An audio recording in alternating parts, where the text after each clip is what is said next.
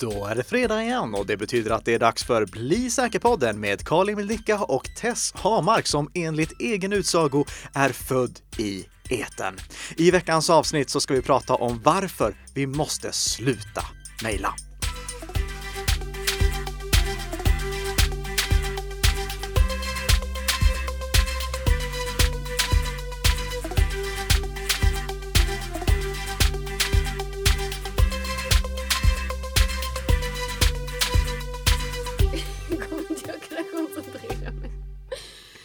Nej, det, du, du sa ju det precis innan vi började spela in, så nu, nu, nu kör vi bara på. God morgon, kära lyssnare och välkomna till Bli säker-podden alltså.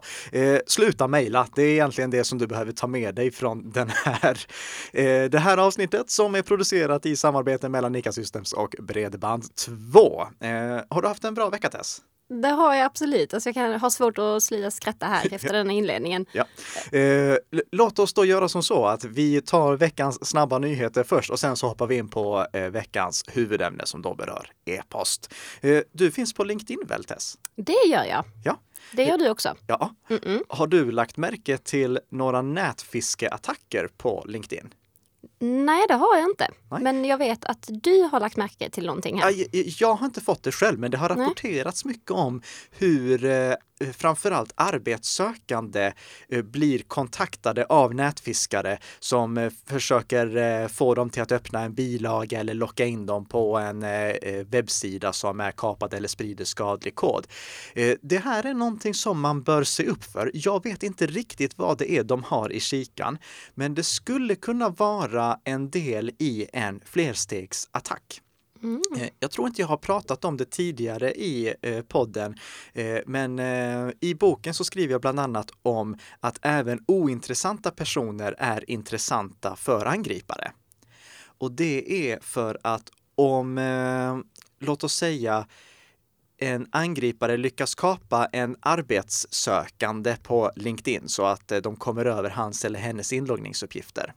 Då kan de sen använda hans eller hennes trovärdighet för att gå vidare i attacker och attackera personer som han eller hon känner. Och eh, en av eh, Ja, eh, eh, en gemensam vän till oss eh, pratade jag med tidigare här i veckan. Han har en ledande position på ett noterat företag och han hade blivit kontaktad av en av sina tidigare vänner som hade försökt att nätfiska honom. Men det visade sig att det var för att den här personen i sig hade fått sitt LinkedIn-konto kapat. Mm. Så jag tror, eh, det är inte bekräftat att det finns något samband, men jag tror att det pågår en kampanj nu där angripare försöker kapa eh, lätta måltavlor eller lättare måltavlor, personen som inte har garden lika högt upp, för att sen i sin tur kunna komma åt personer runt omkring på ledande positioner på svenska organisationer för att lura dem att göra banköverföringar eller liknande. Eh, och om det inte är, och om ni som håller på med den här eh, kapningsverksamheten lyssnar på den här podden och det inte var er tanke så få inga idéer nu här på vad ni ska göra med det. Eh, Men, men kort och gott, se upp för LinkedIn-kapningar. Det pågår i detta nu.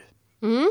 Och sen eh, så har det ju även eh, hänt lite med fejkade Twitterinlägg. Ja, eh, och eh, det är någonting som vi bara måste poängtera att om du ser någon som delar ett, eh, ett, ett Twitterinlägg eller ett Facebookinlägg för den delen som inte är inlägget i sig utan en bild på det då bör du fundera på varför de delar en bild. För det, det som hände här i veckan var att det blev enorm spridning på ett inlägg från en svensk politiker som visade sig vara falskt.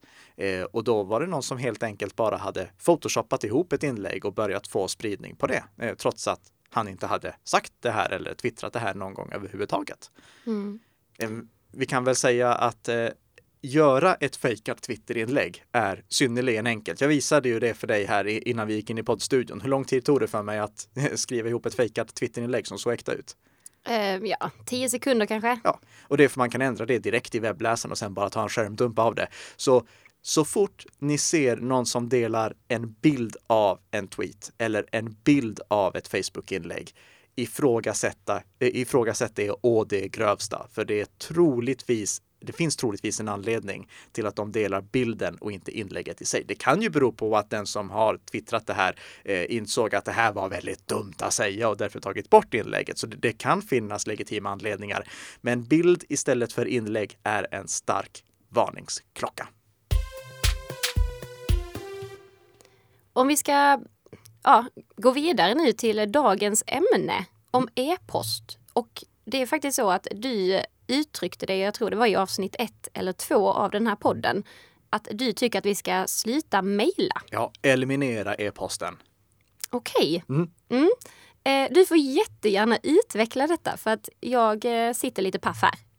Ja, det, det, finns ingen det finns nästan ingen anledning idag till att mejla. Vi måste få bort e-posten. För eh, vi, vi pratade ju om eh, eh, nätfiske på LinkedIn här inledningsvis, men om det är något sätt som är lätt att nätfiska personer så är det genom e-posten. För e-posten är ett så fundamentalt osäkert kommunikationssätt som aldrig någonsin kommer bli säkert det, det, går inte. E-posten uppfanns, eh, liksom, det, det, det närmar sig pensionsåldern nu. Vi ska backa tillbaka till 70-talet någon gång eh, för att hitta när e-posten uppfanns. Jag borde kollat när e-posten uppfanns, men någon gång på 70-talet borde det ha varit.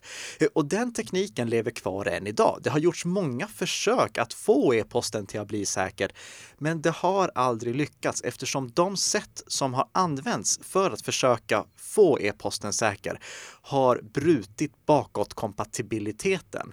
Och om vi bryter bakåtkompatibiliteten i e-postsystemet, då faller den främsta funktionen som e-posten har, nämligen att det är väldigt universellt gångbart och gör att alla kan kommunicera med alla. Mm.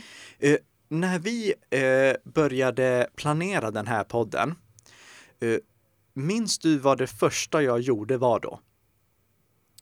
Eh, vi satte upp ett Slack-konto kanske? Ja, mm. precis. Jag bjöd in dig till en Slack-kanal, alltså eh, ett, eh, Slack är en väldigt populär kommunikationsplattform för företag. Jag bjöd in dig dit för att vi inte skulle skicka mejl fram och tillbaka, för att vi inte skulle skicka bilagor i mejl fram och tillbaka eller länkar i mejl fram och tillbaka, utan att vi istället skulle ha ett ett koncentrerad, en, en, en, avgränsad koncentrerad plats där vi för diskussioner kring den här podden. Mm. Och det är det första jag gör när jag inleder ett samarbete med ett företag. Jag bjuder in dem till en Slack-kanal eller till en Microsoft Teams-kanal. Microsoft Teams är den största konkurrenten till Slack för att vi ska kunna konversera på ett säkert sätt. För e-post har otroligt många nackdelar. För det första, när du får ett mejl från någon, då kan du inte vara helt säker på att det är den personen som har mejlat. Vi har ingen garanti på att mejlet kommer från den avsändaren som det står att det kommer från. Eh, dels så kan bedragare ju skriva vilket namn de vill, det, är en sak i sig. Men de kan också i oroväckande stor utsträckning fejka avsändaradressen, som vi dessutom är ganska dåliga på att kolla från första början. Det mm. finns sätt som gör att man inte kan fejka, eh, att inte en bedragare kan fejka ens e-postadress. Att man, man, stoppar så att en bedragare inte kan använda eh, ens e-postadress. Till exempel, jag har infört spärrar som gör att ingen kan skicka mejl från min e-postadress. Men det förutsätter att de mottagande systemen som den här, eh, som jag mejlar till också kontrollerar de här spärrarna. Mm. och, och, det här är det problemet att i, i och med att vi inte kan bryta bakåt kompatibiliteten, då kan vi inte forcera in sådana här kontroller heller i e-postsystemet. Och det gör att vi än idag inte har ett välfungerande sätt på att garantera att avsändaren faktiskt är den som står att den är. Men hur gör du då när du ska ta kontakt vid ditt första, vid ja. första möte. Mm. Där har vi problemet. Det finns ingen yes. lösning eh, där än så länge. Eh, man kan, eh, jag förespråkar ju att när, så fort du har upprättat kontakten så flytta över konversationen från e-posten till till exempel Slack eller Teams. Eller om du inte har ett sådant system, ta den då eh, via någon chattapp, till exempel Eh, eh, Signal som är min rekommenderade chattapp. Nu vet jag att det var en dålig rekommendation här för att då har ni troligtvis inte Signal heller. Eh, ni kan skaffa Signal som är gratis till alla eh, mobiltelefoner och till datorn. Mm. Men just den här inledande delen om du inte kan hitta personen på något annat sätt än via e-post, då får du ha eh, e-posten som ett öppnande eh, kommunikationsmedie. Eh, jag försöker att eliminera det också genom att ha kontaktformulär på min webbplats. Så om någon vill få kontakt med mig så finns det ett formulär som de kan använda. Men det, det, är ingen jättebra lösning för jag vet att folk avskyr att fylla i formulär. Mm. Det, nu, nu, nu, drar jag alla över en kam här, men jag avskyr i alla fall att fylla i formulär för att få kontakt med någon. Eh, men det, det är igen för att försöka minimera mejlandet. Och eh, på lärplattformen som jag bygger Eh, där eh, kan eh, eleverna ställa frågor, men då ställer de frågor på lärplattformen. De får inte eh, något mejl med svaret tillbaka, utan de får svar på lärplattformen. De får bara en notis via mejl om att det finns ett svar. Och här är den rollen som jag tror att e-posten kommer fylla i framtiden. Det kommer vara ett notismedie, för det finns inget annat eh, kommunikationssätt som är så universellt gångbart som e-posten. Så e-posten tror jag kommer leva kvar för att eh, informera oss om att vi har ett meddelande i en annan app eller att eh, vi har ett eh, brev att ladda hem från vår eh, digitala brevlåda på Kivra eller någon annan sån här eh, brevmeddelandetjänst. Mm. Eh, där, där tror jag att e-posten kommer leva kvar. Men annars så försök att flytta över kommunikationen så fort som möjligt till andra kommunikationssätt än e-posten. För som jag sa, du kan inte lita på avsändaren. Men det är bara en av anledningarna. Det finns mycket fler anledningar. Mm. Eh, till exempel, om du skriver någonting i ett eh, mejl, mm. då är det öppet för i princip alla nyfikna ögon som har insyn i någon av de, eh, hur ska vi säga det här på ett pedagogiskt sätt, som har insyn i någon av de servrarna som det här mejlet passerar. Eh, det bör du vara medveten om. Tänk egentligen på mejl som om det vore öppna vykort. Skriv inte någonting i ett mejl som du inte hade kunnat tänka dig att skriva på ett vykort. För när mejlet åker över internet, då kan det passera flera eh, servrar där den som driver servrarna kan se innehållet och det, det, du bör minimera i absolut största möjliga utsträckning känslig information i mejl av den anledningen. Tänk på mejl som vykort. Här finns det lösningar för att säkra upp det. Det går att säkra upp det i flera olika steg. Till exempel så kan man i alla fall eh, göra så att en e-postserver skickar mejlen krypterat fram till den andra e-postservern, för då är det i alla fall åtminstone mellan e-postservrarna säkert. Men inte ens det gör alla. Jag fick en notis igår från 1177 efter att jag hade, nu, ska vi, nu kommer 1177 in här igen, eh, eh, från 1177 eh, för att jag hade begärt receptförnyelse. Mm. Och jag kollade av ja, klassisk vana, eh, bara ifall det, den notisen skickades krypterat mellan e-postservrarna och det gjorde den inte. Uh, mm. Men även om eh, trafiken krypteras mellan e-postservrarna, då är problemet att eh, eh, själva mejlet inte är krypterat hela vägen från avsändaren till mottagaren. Mm. Fördelen med eh, meddelandeappen Signal som jag pratade om, det är att all information som du skickar via Signal är krypterat hela vägen från din telefon som skickar det till mottagarens telefon som tar emot det. Med e-post så blir det inte så om man inte använder en eh, lösning som kallas PGP. PGP eh, är en teknik som har uppfunnits för att man ska kunna eh, både verifiera avsändaren och säkerställa att ingen obehörig kan läsa innehållet i mejlet. Men hur många PGP-krypterade mejl brukar du få per dag, Tess? Ingen tror jag. Nej. Jag har med min PGP-nyckel i alla mejl som jag skickar och trots det så får jag typ ett PGP-mejl mm. per månad. Det är ingen som använder det. Det är för klumpigt. Det har inte slagit igenom. Eh, Nej. Och igen, det här är problemet. Vi kan inte forcera och tvinga alla till att använda det, för det hade brutit bakåtkompatibiliteten. Men om man tänker nu att som det jag använder väldigt mycket, i alla fall med min mail, mm. är ju att jag får det från, jag får ett mail från någon som jag sen kanske vidarebefordrar till en annan kollega. Ja. Men hur ska man kunna ta detta vidare till en Slack-konversation uh, på ett eh. enkelt sätt? För jag menar, om det är från en, ett mail från en extern partner. Ja. Uh, är det här en extern partner som du jobbar ofta med? Ja. Sätt upp en Slack-kanal där den partnern och de berörda kollegorna är inbjudna. Och om det inte är det? Eh, I så fall hade jag fått kopiera och klistra. Okej, okay. så det är, ändå, det är ju ändå lite omständigt, eller hur? Eh, ja, jag säger inte att vare sig Slack eller Teams är den ultimata lösningen. Eh, det, det, är bra steg på vägen.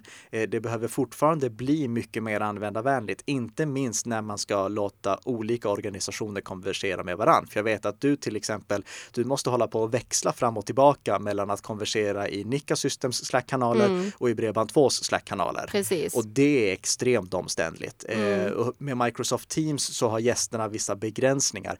Eh, det, det, är inte en perfekt lösning. Nej. Och det måste inte vara en perfekt lösning för att det ska ersätta ersätta e-posten. Det behöver bara vara bättre och, och det är det.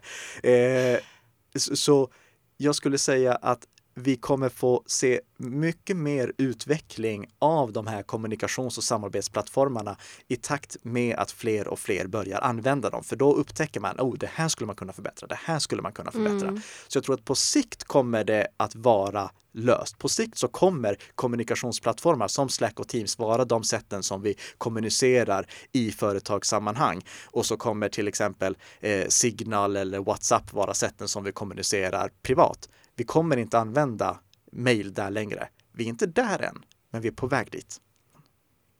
Ja. Mm. Jag, jag, jag, för, jag, förstår ju verkligen vad du menar. Jag bara ser att jag saknar massa funktioner, som i dagsläget i alla fall. Ja. Um, är, är det något mer konkret som du, du saknar? Men enkelheten i till exempel med mötesinbjudningar ja. som vi använder oss av jättemycket. Då får man ju det till sin mail. Mm.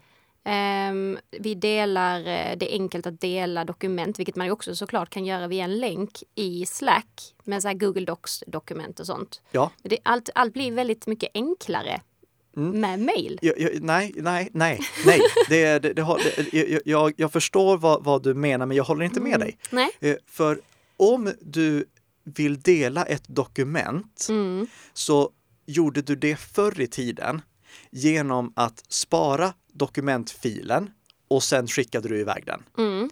Det gör vi inte idag. Idag vill du ju dela dokument för att antingen bara informera någon annan eller för att eh, du vill att han eller hon också ska kunna vara med och redigera det dokumentet. Mm. Så då använder du ditt företags samarbete, din företags kontorssvit, antingen Office 365 eller Google G Suite och mm. delar det dokumentet med personen eller gruppen som du vill ska samarbeta med det här. Och du kan välja om de andra ska få redigera eller bara läsa det. Eh, det är så som du hanterar dokument idag. Och vi måste komma bort från det här med att vi sparar dokumentet och sen skickar det eh, och börja tänka på det som ett gemensamt dokument som vi arbetar med istället. Mm. Och det, det, kommer ta sin tid innan vi gör det. Precis som eh, diskettsymbolen levde kvar långt, in, eller långt efter att vi slutade spara saker på disketter, så måste vi också få bort det här tankesättet med att vi sparar filer och sen skickar vidare dem.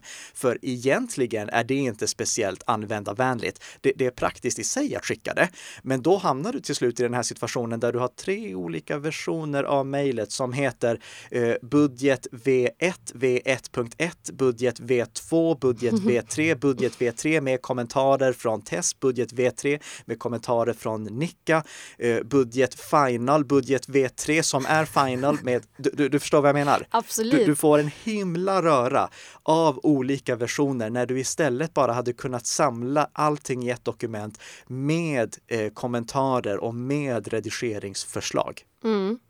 Men om man då har en, eh, låt säga att man har en mejltråd. Ja eh, och man vill svara på ett specifikt meddelande. Du kan ha eh, eh, kanaler i Slack med allmän information och du kan ha trådar inuti kanalen i Slack där du bara pratar med den personen. Ja, mm. jag förstår ju verkligen vad du menar. Mm. Men eh, ja, jag är ändå, jag är mm, jag är lite skeptisk. Ja, eh, men, men låt mig då ta ytterligare ett argument för varför vi ska sluta med e-post. Eh, det är jättedålig leveranssäkerhet. Hur många gånger har du inte fått höra från någon, oh, jag visste inte att det var idag, jag fick nog inte det mejlet.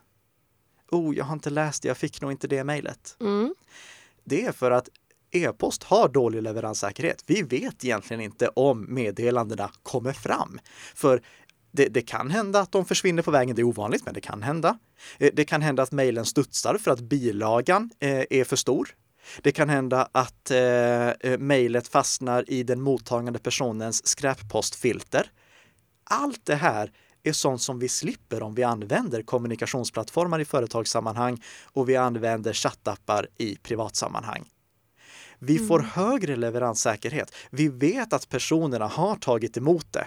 Det råder inte längre några tvivel om det. Jag behöver inte skicka ett mejl och sen ringa och fråga fick du det här mejlet? För jag vet att mottagaren fick mejl, eh, eh, meddelandet då via eh, chattappen eller kommunikationsplattformen. Mm. Men ibland kan jag känna att, eh, jag, för jag använder ju Slack också. Mm. Eh, men då använder jag det mer som en chattkanal. Ja. Och när jag väl mejlar så gör jag det av anledningen att jag inte behöver ett svar nu direkt utan att jag vill låta mottagaren liksom, ja men ta sin tid. Hur ser du på det? Det var ett bra argument. Var det det? Ja, det tycker jag. Eh, den har jag själv aldrig funderat på. Eh, jag tror, bara nu rent spontant, Mm. att det är någonting som antingen kommer att lösas i form av att vi får ett mejlliknande komplement, alltså eh, eh, den typen av liksom fasta, välskrivna, färdigproducerade meddelanden. Att vi kommer Mm. kommun- kunna kommunicera eh, dem på ett annat sätt i Slack eller Teams. Eller så tror jag att det är någonting som vi vänjer oss av vid. Eh, att det är inte så vi kommunicerar längre. För vi har vant oss av vid att skicka fax, hoppas jag, att vi, vi inte faxar längre. Vi har vant oss av vid att skicka telegram. Vi har vant oss av vid att skicka brevduvor. Vi har vant oss av vid att skicka kurirer. Så vårt sätt att kommunicera ändras och Mm. jag skulle kunna tänka mig att i takt med att vi får ett bättre sätt, ett bättre en- bättre lösning att eh, interagera med varandra, kommunicera med varandra och dela information med varandra via de här kommunikationsplattformarna och chattapparna så kommer vi att ändra vårt beteende som vi eh, pratar med varandra. Mm. För jag tänker det här med att ibland eh, så kan jag skapa mejlutkast Mm. som jag sen kan återgå till lite senare. Ja. Och det är lite samma sak där. Ja, då tar du Microsoft OneNote eh, och, skri- och skriver dina utkast i en sån anteckningsapp istället. Mm. Det tycker jag låter som en mycket, mycket bättre idé. Eh, Ja. för, det, det är egentligen bara anteckningskladdar det handlar om. Och, Mm. och, och den typen av saker använder jag OneNote, eh, eller man skulle kunna använda konkurrenten Evernote också för den delen. Eh, men, men det använder jag OneNote jättemycket till, att liksom Mm. bara skriva utkast, saker som jag arbetar med för tillfället innan jag gör någonting vettigt med det. Mm. Eller slänger det för den delen. det händer också. Men en nackdel som jag måste säga med eh, Slack är att betalar man inte för den eh, så försvinner historiken så småningom. Mm. Så det är ju... Eh, Det finns fördelar med det också Eh, och, och det här kan vi prata om i ett avsnitt av, om compliance, men vi ska inte spara all information hur länge som helst. Nej. Eh, Jag, jag, vet att e-posten är väldigt bra Mm, för att man ska kunna backa tillbaka lätt och hitta vad man har skrivit. precis. Men det är inte alltid som, alltså eh, e-posten gör alla GDPR-åtaganden väldigt svåra. För Mm. att då sprider vi ut information på alla möjliga håll och kanter och har svårt att hålla koll på vad som ligger var. Det är också en anledning till att jag använder det här kontaktformuläret på min webbplats. För eh, där så har jag automatiserat allting. Om det är en person som inte är inloggad som kontaktar mig eh, så kommer ärendetråden att raderas efter tre månader. Så jag kommer inte ha kvar de personuppgifterna. Mm. Om det är en inloggad person som kontaktar mig så kommer det att sparas på hans eller hennes profil så att om han eller hon väljer att avsluta sitt konto då kommer den informationen att försvinna och ifall eh, ifall han eller hon begär, eh, begär att få ut all information, eh, då får han eller hon också den informationen genom den här lösningen. Mm. Men det är någonting som jag tror att vi får ta i ett helt eget avsnitt. För compliance-delen och att efterleva, eh, efterleva regler, det är ett avsnitt i sig. Ja, jag får bara bli bättre på att eh, spara ner det jag anser är viktigt, helt enkelt från Slack. Det tycker jag låter som Ja. en mycket god idé. Och då är det dags för veckans lyssnarfråga som kommer från Stefan på Twitter. Och han skriver följande. Hur ställer ni er till lite mindre webbläsare som Brave? Den stänger ner en del konstigheter som default, vilket eventuellt minskar exponeringen för angrepp. Mm. Och det här var ett svar som vi fick på vårt avsnitt om den säkraste webbläsaren. Mm. Och jag får börja med att tacka våra lyssnare för att eh, jag var lite rädd att det skulle ta hus i äh, vette, äh, efter att man pratat om en sån sak i och med att val av webbläsare har ibland lite smått religiösa tendenser. Äh, att det, det, det, känns så viktigt för en, en sån person. Mm. Men det var väldigt bra kommentarer vi fick in på det, väldigt sakliga. Och då, då också till exempel veckans lyssnarfråga då från Stefan. Och, och just det, tack för att du skickade in veckans lyssnarfråga. Du får bli säkerboken på posten som tack för att du skickade in det. Och ni kan fortsätta skicka in lyssnarfrågor också. Veckans lyssnarfråga får bli säkerboken. Det vet ni vid det här laget. Mm. Eh, men då kan vi ta frågan om Brave. Och Brave är en förhållandevis ny webbläsare. Eh, den baseras, eh, precis som till exempel Opera och Vivaldi, på Chromium, alltså samma grund som Google Chrome använder och som även Microsoft Edge kommer att börja använda. Och det är väldigt bra för att Chromium-grunden, den är bevisligen en bra, stabil och säker grund. Brave-webbläsaren i sig, den gör några saker för att få upp prestandan ytterligare. Och en av de främsta sakerna den gör, det är att den i standardläge blockerar annonser.